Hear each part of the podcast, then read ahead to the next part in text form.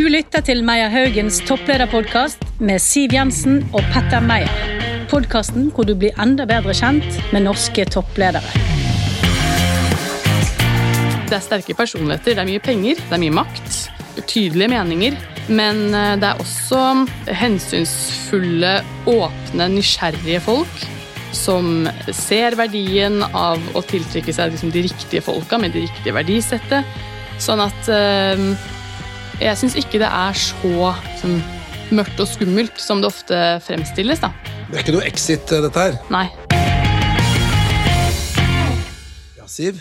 Kjempespennende gjest i dag. Og da skal vi inn i et litt sånn nytt uh, finansielt felt og farvann. Ja, vi har ikke touchet det i denne podkasten, men Nei. dette er det nok mange som eh, trenger å vite litt mer om. Så vi har invitert eh, administrerende direktør i Norsk Venturekapitalforening, Ellen Amalie Wold. Velkommen hit. Tusen takk. Og Vi har gleda oss til å møte deg, og det er av mange grunner. For det første så må vi si at jeg har gjort litt research på deg, og det var så mange som prata godt om deg. Og tenkte ja, hun må dere ha i podkast, og da blir jeg veldig nysgjerrig. Så det er den ene tingen. det blir jeg òg. Ja, ikke sant? Og så er det dette med venturekapital. Det er som sånn buzzword. Hva er er det egentlig? Hva er forskjellen på det private equity? Og hvordan er dette her, og hvordan har man en forening? og sånt? Det er så mange spørsmål. Men Kan ikke du bare prøve å dra oss litt gjennom dette landskapet for en som ikke kan noe om det? Ja, det kan jeg gjøre. Eh, Norsk Venturekapitalforening det er det norske eh, navnet på den foreningen jeg leder. Det eh, internasjonale navnet er Norwegian Venture Capital and Private Equity Association. Vi er interesseorganisasjonen for aktive eiefond Eh, og I det så inkluderer vi eh, såkalte såkornfond, venturefond og buyout-fond, eller oppkjøpsfond. Det er eh, aktive eierfond som investerer i selskaper som er unoterte, altså ikke notert på børs. Det kan være helt tidlige selskaper som er helt i starten av bedriftens livssyklus, som mottar noen hundre tusen, noen millioner fra såkornfondet det kan være selskaper som har kommet litt lenger på selskapets eh, reise, som har fått litt flere ansatte, eh, mer i omsetning, begynner å, å få litt fotfeste. Eh, da kommer kanskje venturefondene på banen. Og så er det oppkjøpsfondene, som investerer i modne selskaper, godt etablerte selskaper, men som ennå ikke er børsnoterte. Eller som aldri kommer til å bli det. Eller som ikke kommer til å bli det men som har flere uh, hundre ansatte. investeres flere hundre millioner noen ganger milliarder i de selskapene. Så det er et veldig bredt spenn av selskaper. Um, og Norsk Venturekapitalforening vi representerer fondene som investerer i disse selskapene. Og i det navnet aktive eierfond så ligger det jo at det er et aktivt eierskap. Uh, så det vil si at de som eier selskapene, er tett på utviklingen av selskapene og er med og skaper vekst for å kunne selge videre. Forhåpentligvis med en eh, avkastning som er god, da. De går vel gjerne inn i styret òg? Ja. I selskapene? Ja, det er den måten man mm. som regel er aktive på. Enten inn i, i styret eller i eh, advisory boards eller rådgiverposisjoner rundt selskapene. Mm. Um, så det skiller jo det eierskapet fra annen type eierskap. Da. At man er involvert i selskapet på en eller annen måte. Det har jo vært en ganske kraftig oppblomstring av dette miljøet i Norge bare de siste ja, 20 årene, tenker jeg. Mm. Um, tror du det har en sammenheng med at uh, stadig flere ja, hopper ut fra hoppkanten og starter egne bedrifter? Er gründere og Ja.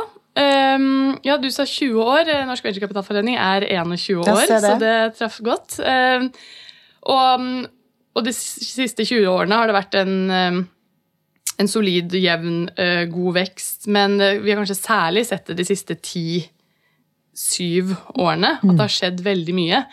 Da er det flere mennesker som har, vært, som har prøvd seg som gründere, starte opp selskaper, som har fått en reise, som vi kaller det. god eller dårlig, men gjort seg opp mange erfaringer. Starter nye selskaper, gjør det bedre enn de gjorde første gang. Det er en utvikling som tar tid. Eh, og som vi kan sikkert komme mer inn på senere, men som, som de hadde holdt på med lenger, f.eks. i Sverige, som jo de ligger noen år foran oss. Sånn med utviklingen av hele det økosystemet av gründere og investorer, som vi kaller det. Um, men i Norge så har vi sett, særlig de siste ti årene, en mye um, en større utvikling fordi at vi får flere som ønsker å være gründere, som ønsker å gjøre noe annet enn å jobbe i tradisjonelt næringsliv, eh, som får de erfaringene, som går inn som investorer selv når de har tjent seg opp en del kapital og ønsker å investere i nye bedrifter. Eh, de tar da med seg den kompetansen inn som aktive eiere i f.eks. et venturefond, som eier nye selskaper igjen. Og på den måten så blir det en positiv så begynner ballen å rulle, da. Og så blir det en positiv eh, utvikling. Og der har det skjedd veldig mye de siste årene. Men nå er vi jo inne i litt sånn ruskete farvann, både for seg her hjemme, men særlig ute i den store verden. Merker dere det? Ja, Det er et godt spørsmål. Det er, jo det alle snakker om om dagen. Eh, Hvordan merker vi det? Historisk sett så ser vi at uh, um, private equity da, og, og venturekapital står seg ganske godt gjennom kriser. Um, kanskje fordi at det er eh, Man er vant til å liksom, snu seg rundt, sitte tett på selskapene og, og si, få ting til å skje fort når det oppstår uh, uventa situasjoner eller uroligheter. Nå er jo tidene litt sånn annerledes. Ja, det så vi for så vidt gjennom eh, koronapandemien. Da. Så så vi det at, at Aktiv eierfond sto seg veldig godt. Hadde en uh, høy verdiskapning, høy sysselsettingsvekst, høy investeringstakt også gjennom de urolige pandemiårene. Da var det litt andre typer forhold. Det som skjer nå, er nok kanskje med på å påvirke mer investeringsvilligheten. Nettopp. eh, og tilgangen på kapital. Og Der er det litt sånn ulike erfaringer. Noen uh, syns at det fortsatt går greit, og så er man kanskje litt sånn spent på uh, konsekvensene på litt lengre sikt. Andre har allerede begynt å merke at det er vanskelig eksempel, å hente penger til nye fond. Og det som så langt ser ut til å være liksom det tydeligste, er at de som holder på å etablere nye fond nå, altså førstegangsfond eller andregangsfond, kan oppleve det som litt krevende å hente inn kapital da, fra investorer. Eh, og så er det litt ulike erfaringer i de ulike segmentene som jeg begynte med å snakke om. Tidlig fase og, og senere fase. De har jo helt forskjellige typer investorer inn i fondene sine. Eh, Men merker dere noen bransjeforskjeller? Altså Er det noen næringer eller bransjer som eh, investorene rygger litt bort fra pga. disse urolighetene, eller er det, er det ikke så mye å, er det ikke noe trend å se på det? Nei, eh, kanskje ikke nødvendigvis eh, som investorene skygger bort ifra, men vi ser jo um, at det er noen sektorer som gjør noen ganske uh, tydelige sånn hopp på den positive eh, enden av skalaen. Som, men, men det kan jo skyldes andre ting òg. Men for eksempel, altså IT og tech er den største sektoren for disse fondene. Um, og, og har gjort det stabilt bra og vokst stabilt lenge. Uh, clean tech, og det som handler om på en måte å fornybar energi, energisektoren, gjør det bra. Um, og også en del på um, life science og helse-tech gjør det bra. Um, så er det litt uli altså, ulike ting som uh, påvirker det. Men ja. Er utrolig spennende å høre på deg i forhold til dette med sånn tidlig fase og sånt, men hva, hva kjennetegner Hvis vi tar oppstartsbedrifter, da, det er jo ting som i hvert fall ligger meg og mitt hjerte nærmest. Hva, hva tror du dine medlemmer ser etter når de skal vurdere om en uh, tidligfasebedrift kan være verdt å putte pengene i? Vi vet at eh, de i tidligste fase er veldig opptatt av teamet. Hvilke mennesker som, eh, som har ideen eller leder bedriften. Eh, kanskje mer enn selve ideen og, eller produktet som de holder på å utvikle. Eh, fordi det trengs en helt egen type mennesker for å, å drive et oppstartsselskap eh, til suksess. Så team trekkes alltid frem som, eh, som eh, veldig, veldig viktig. Eh, og så er det selvfølgelig også mulighetene for vekst og skalering. Så det er litt forskjell på eh, om man starter en næring, altså frisørsalong eller noe som liksom skal være i et lokale i den bygda du bor i, og så er det det du skal drive med. Og det er veldig bra, og bra for, eh, for eh, arbeidsskapning i det lokalsamfunnet. Men for de fondene som vi representerer, så er det et kriterium at det er, et, at At det hadde blitt en større kjede. vekst. Ja, for Ja, eksempel. ja. Mm. Eller kunne blitt kjøpt opp av en kjede. kjede. Ja. Mm. Det, det er litt interessant det du sier at og jeg tenker at dette med en god idé, da, det er ofte det man hører, og jeg har så mye gode ideer, eh, men en god idé er veldig eh, overvurdert, mens gjennomføringsevne, det er undervurdert. Så Det er det også viser når vi jobber jo med rekruttering i Meierhaugen. Og da ser du etter den execute on the strategy. Det er jo det som er eh, interessant. da. Men Hvis man da skal se på bedrifter som har kommet litt lenger, da, hva er det man ser etter da? Og da er det kanskje mer eh, finansielle resultater. Um, og hvordan eh, Det er også eh, mulighetene for vekst og ekspansjon. Um, og hvordan markedet ser ut. eh, konkurransesituasjonen.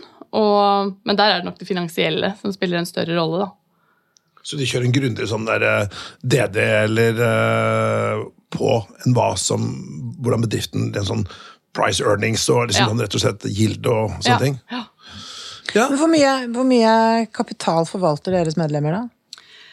Ja, vi har ikke det totaltallet på, um, på kapital under forvaltning, men vi, kan, vi eh, måler tallet for investert beløp eh, fra aktive eiefond hvert år. Og norske aktive eiefond investerte i 2022 eh, nesten 19 milliarder norske kroner. Det var da i norske og utenlandske selskaper. Hvis vi bare ser på hva norske fond investerte i norske selskaper, så var det 11 milliarder. Men så er det viktig å ta med at internasjonale investorer er en ganske viktig bidragsyter inn i norske selskaper også. Mer enn det mange tenker over. Eh, og da var vel tallet 36 milliarder totalt inn i norske selskaper, hvis man tar med både det fra norske og, og internasjonale investorer. Men det der er veldig interessant, for nå er det jo veldig mye påstander og spekulasjoner, folk som flytter pengene sine ut av Norge og til Sveits, og, og en del påstander om at eh, Norge ikke lenger er så attraktivt for utenlandske investorer. Hvordan merker dere dette? Foreløpig er tallenes tale at det ikke stemmer helt. Mm. Vi har sett en jevn eh, vekst i interessen fra internasjonale, eh, internasjonale aktører. Kapital fra internasjonale aktører inn i norske selskaper. Um, og så er jo spørsmålet om det, om man liksom tar det litt for gitt, og det, om det kan snu. Men enn så lenge så, så ser det ganske stabilt ut fortsatt. Det er interessant. Det er eh, Ja. Det syns jeg er interessant å høre. Ja. Ja, ja. for det er jo det som er den store politiske diskusjonen i forhold til at eh, lav kroneverdi og alt dette. da, Men, men eh, jeg, jeg så Var det, var det Spetalen som man prata med Trygve Hegnar på en eller annen podkast, og, og, og, og eh, Spetalen spådde vel at euroen ville komme opp i var det 15 kroner eller noe sånt nå, i forhold til Og han var ikke så veldig optimistisk type da, på akkurat det der. Eh, Og det ville ha stor påvirkning i forhold til Ja. utenlandske investeringer. Ja, og det er jo det er mange som snakker om det og diskuterer det her nå. Så jeg, når jeg, det, de tallene jeg refererer til, det blir jo litt sånn i retrospekt òg, og det har skjedd mye. Så Vi så da sist på hele 2022. Så blir det kanskje for å invitere meg tilbake i 2025, så får vi se liksom, hvordan 23 og 24 har sett ut. Um, men vi ser jo det, vi også, at uh, uh, f.eks. at uh, internasjonale investorer uh, krever en større ris altså, politisk analyse i for, forhold til risiko eh, når de ser på og vurderer eh, internasjonale aktører. Det var det en sak om i Finansavisen nå, bare ja. forrige uke. Um, så, eh, og så er det jo ulike ting som treffer ulike næringer Mm. som kan påvirke det. Så det kan absolutt hende at det ser litt annerledes ut etter hvert. Lakseskatt, for eksempel. Ja. Men uh, i forhold til, Når vi prata litt om disse bedriftene som blir investert i, uh, men hva kan du si om den typiske investor, da? Eh, hva kjennetegner de? Ja, det er også litt forskjellig ehm, på det der spennet da, på hva de investerer i. Men en som investerer i tidligfasefond, et såkornfond eller et oppkjøpsfond Noen kommer fra forskermiljøene ehm, og har lagd private investeringsmiljøer uh, ut fra, fra forskningsmiljøene. Eh, Det kan også være gründere, som jeg nevnte i stad, som har hatt noen reiser selv, tjent seg opp godt med, med, med formue selv og investerer det sammen med andre gründere. eh, Og starter venturefond på den måten. Og så jo lenger opp i segmentene du kommer, jo mer er det nok eh, litt mer typisk liksom businessprofilen, konsulenter, ganske mange McKinseyere i de oppkjøpsfondene. Så, og folk som har erfaring fra å og ledet store bedrifter, jobbet mye med bedriftsutvikling eller eh, private banking eller ja, den typen ting. Så det er altså et ganske vidt spenn. altså Alt fra de med uh, hoodie og sneakers uh, liksom, til uh, Til Ingbjørg menn. Er, han- er han medlem hos dere, eller? Nei, ikke ennå. Eh, Men venturefondet, altså Runway FBU, er medlem av oss. Det er venturefondet til Aker. Ja. Ja. ja. Du, Vi er også interessert i deg, da, for nå har jo du uh, pratet uh, mye om uh, venture og private equity også. Men fortell litt om deg og din bakgrunn, for den er også veldig spennende. da. Ja, eh, min bakgrunn er ikke finansiell. Jeg er um, utdanna kommunikasjon, i kommunikasjonsledelse og noe språk, så det, er, det var ikke helt gitt at jeg skulle ende opp i finans. Skulle du enda lenger tilbake, så var det i hvert fall ikke helt dit. Jeg gikk musikk, dans og drama og hadde klassisk sang som, eh, som spesialisering, så um, det var nok ganske mange der også som ble litt overraska over at jeg endte her. Men eh, så er det kommunikasjon da, som har vært som faget mitt hele veien. Så jeg jobba i to norske, et norsk kommunikasjonsbyrå eh, først, og så i et større internasjonalt et. Jobba mye med mediehåndtering og krisekommunikasjon og lederposisjonering. Og kom på den måten inn i et eh, norsk statlig fond som heter Argentum. Jobba der i noen år som pressesjef og kommunikasjonsdirektør. Og så eh, begynte jeg i NVCA for tre år siden. Som jo også er en kommunikasjonsjobb, egentlig. Vi, eh, vi skal være en interesseorganisasjon som fasiliterer, altså som jobber med og for interessene på tvers av en, som jeg nå har forklart, ganske sånn eh, bred bransje med mange forskjellige interesser. Så det å bringe disse medlemmene sammen, sånn at de har et sted å møtes og har på en måte et, en hub hvor man kan snakke fag og møtes eh, sosialt, um, men også formidle disse interessene ut til de målgruppene som er litt utenfor vår egen sfære. da. Så politikere, media, studenter eller nye talenter, folk vi ønsker å, å rekruttere. Så jeg ser egentlig på det som en først og fremst en kommunikasjonsjobb. Det er jo ganske mange toppledere som hva skal man si, med fordel kunne vært litt bedre på kommunikasjon. Ja, det kan du si. I hvert fall når det drar seg til, Siv. Hvert For det, det skjer du av og til. Det hender. Men, men din jobb, da, eh, som da leder for eller hva skal jeg si, denne interesseforeningen, jobber opp mot myndigheter eller finansnæringen, eller hva er det som er deres eh, visjon, og hva, hvilke variabler jobber etter? Ja, altså, som jeg så vidt nevnte, vi jobber jo egentlig um, så Vi skal representere de sakene og interessene som, som gjelder hele venture- og private equity-bransjen. Og da sier seg selv at eh, sånn, I og med at det er ganske ulike interesser de, i de ulike segmentene, så er det liksom noen ting som alle er enige og bryr seg om, og det er det vi primært jobber med. F.eks. For eksempel det å få et større mangfold inn i teamene, både på investorteamene og i selskapene. Eh, Så det med å jobbe med å tiltrekke seg Nå er jo kjønnsbalanse Mangfold er et bredt begrep, men eh, spesielt kjønnsbalansen har jo vært eh, utfordrende i hele finansnæringen, men også i vår del, da, i mange år. Så det å jobbe med å gjøre bransjen mer kjent for unge, dyktige damer, er en viktig del av det vi driver med. Og noe som alle fondene er opptatt av og ønsker å få gjort noe med, da, og er engasjert i. Så, mm, så det er én sånn sak. En annen ting vi jobber mye med, er eh, alt som skjer på, i det grønne skiftet. Eh, vi investerer jo i selskaper som er morgendagens næringsliv, eh, og, og skal være en viktig del av den omstillingen som Norge skal gjennom. Så mm, det som handler om å flytte penger i grønnere, mer bærekraftige retninger, er også noe som engasjerer alle med- medlemmene på tvers av, av segmentene. Eh, og så er det selvfølgelig noen saker som, som treffer mer det ene eller det andre sementet, og som alle likevel kan være enige om at det er viktig at vi bruker tid på. Eh, politiske saker og, og saker som treffer omdømmemessig noen deler av bransjen og sånn. Men, eh, så det, det kan variere, men stort sett Du nevnte jo dette med. Med kjønnsbalanse. Det er klart at det er uh, sikkert vært en lang og bratt reise for eh, store deler av finansnæringen. Det er jo ikke flust med damer der. Men du har jo også en tilknytning til uh, dette nettverket som heter Kvinner i finans. Mm. Kan ikke du si litt om hva det er? Ja, det er ganske mange initiativer for altså, å få økt uh, eller bedret kjønnsbalansen i norske selskaper i finansnæringen.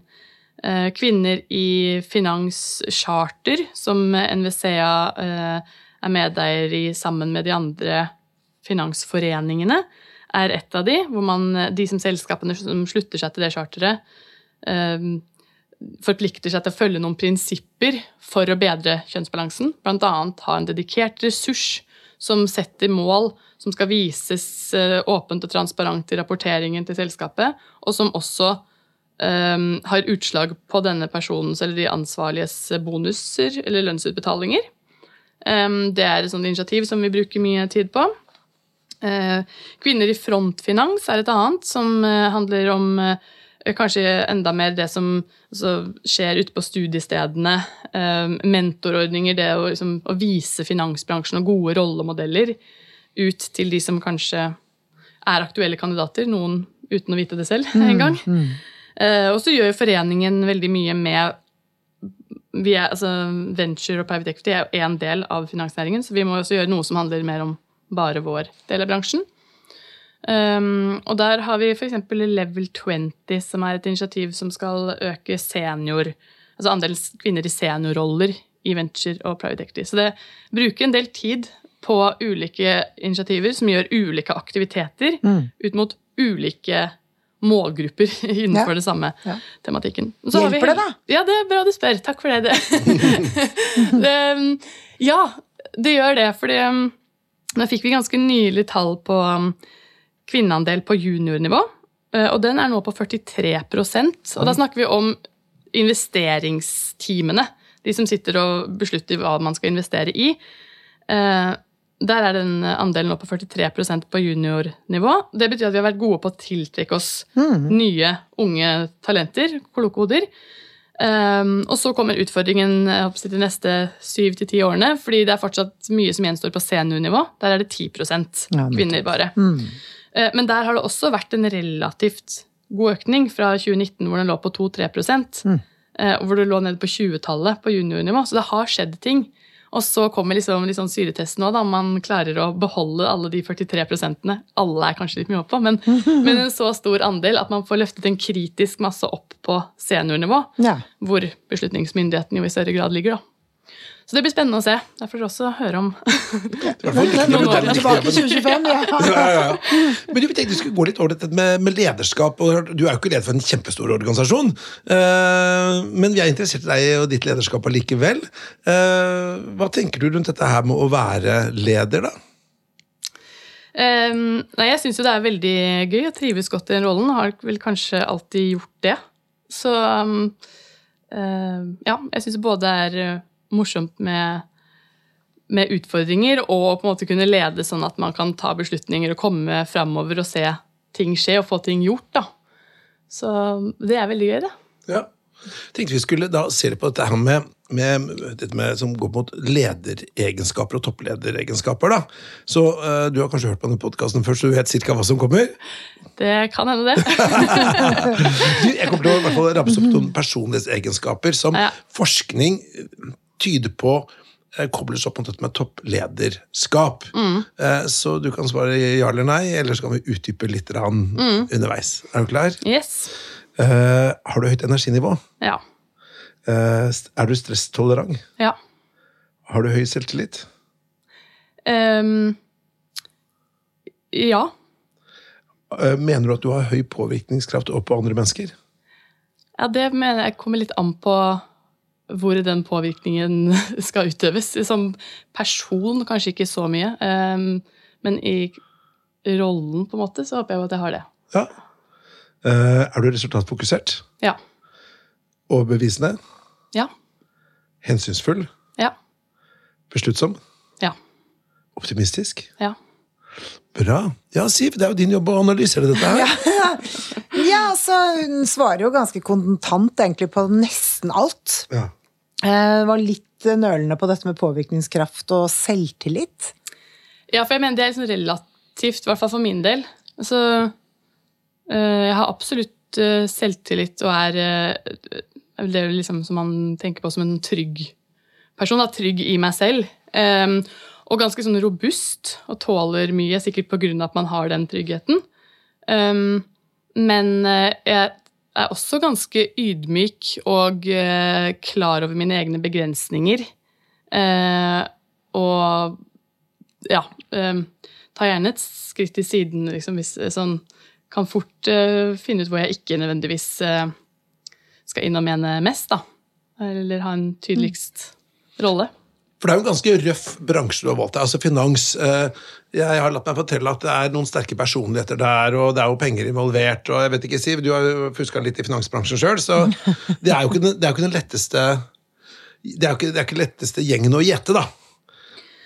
Nei, eller um, Jeg vet ikke om jeg er helt enig, fordi jeg har ikke helt den oppfatningen, eller opplevelsen ennå, da. Eh, som Altså, selvfølgelig, det er sterke personligheter, det er mye penger, eh, det er mye makt og, og tydelige meninger, men eh, det er også eh, hensynsfulle, eh, åpne, nysgjerrige folk som eh, vil gjøre gode, positive ting som ser verdien av å tiltrekke seg liksom, de riktige folka med de riktige verdisettet. Sånn at eh, jeg syns ikke det er så liksom, mørkt og skummelt som det ofte fremstilles. da. Det er ikke noe exit, eh, dette her. Nei, absolutt ikke. Men det er jo mye karikering da, av det det. ulike deler av finansbransjen, og det er jo ikke alt som er sant. Nei, virkelig ikke. Og jeg er helt enig i det. Jeg har jobba både i Norges Bank og jobba mye i, eh, med finansbransjen. Så jeg er helt enig. Det er, de aller aller fleste er jo hyggelige, ordentlige, hardt arbeidende, driftige personer. Det er mitt inntrykk. Eh, men Skal jo ikke glemme at det også er en bransje som er ganske heftig regulert. Ja, Ja. men ikke på personlighetsnivå. Nei, det kan du strengt tatt ikke regulere så mye. Nei, Men de tiltrekker jo da folk som er ganske på, da. Men det at folk er, liksom, eh, har, har tydelige meninger, eh, vil noe og eh, sitter med mye makt og mye penger, det trenger jo ikke nødvendigvis å være kjempeskummelt. Nei. Liksom. Så, Og så er det jo et perspektiv til, da, som av og til faller bort i den litt sånn karikerte samfunnsdebatten. Det er jo at disse miljøene skaper jo merverdi for samfunnet. ja.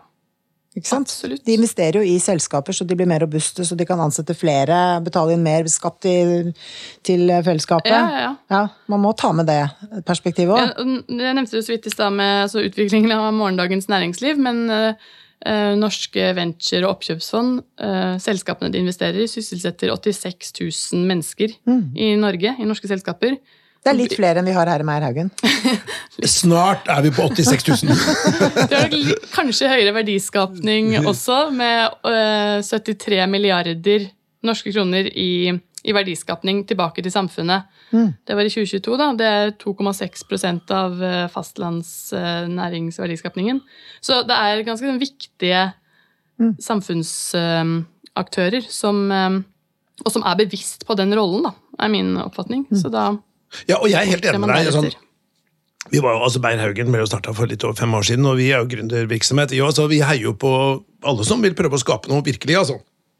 Og det var vel DNB som har en sånn der kalkulator på hjemmesiden som heter er det ringvirkninger, eller hva det er for noe, hvor du kan da se hvor mye skatter og avgifter bedriften og de ansatte betaler i, i året.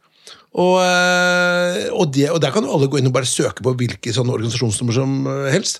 Og bare Meierhaugen, i fjor så betalte vi var det 10 millioner i skatter og avgifter. Og vi er ikke sånn kjempestore, som 20 ansatte, så det er ganske imponerende. Og som du sier, 70, var det 373 milliarder, liksom? Det er jo penger, det å si. Det er penger, det òg. Men jeg syns jo disse tingene er ganske viktige å få frem. Absolutt. Eh, og samtidig så er det jo dette med privatkapital. Mm. særlig i et land som Norge, da, som har så stor eh, statlig finansiering. finansiering, statlig eierskap, statlig fond.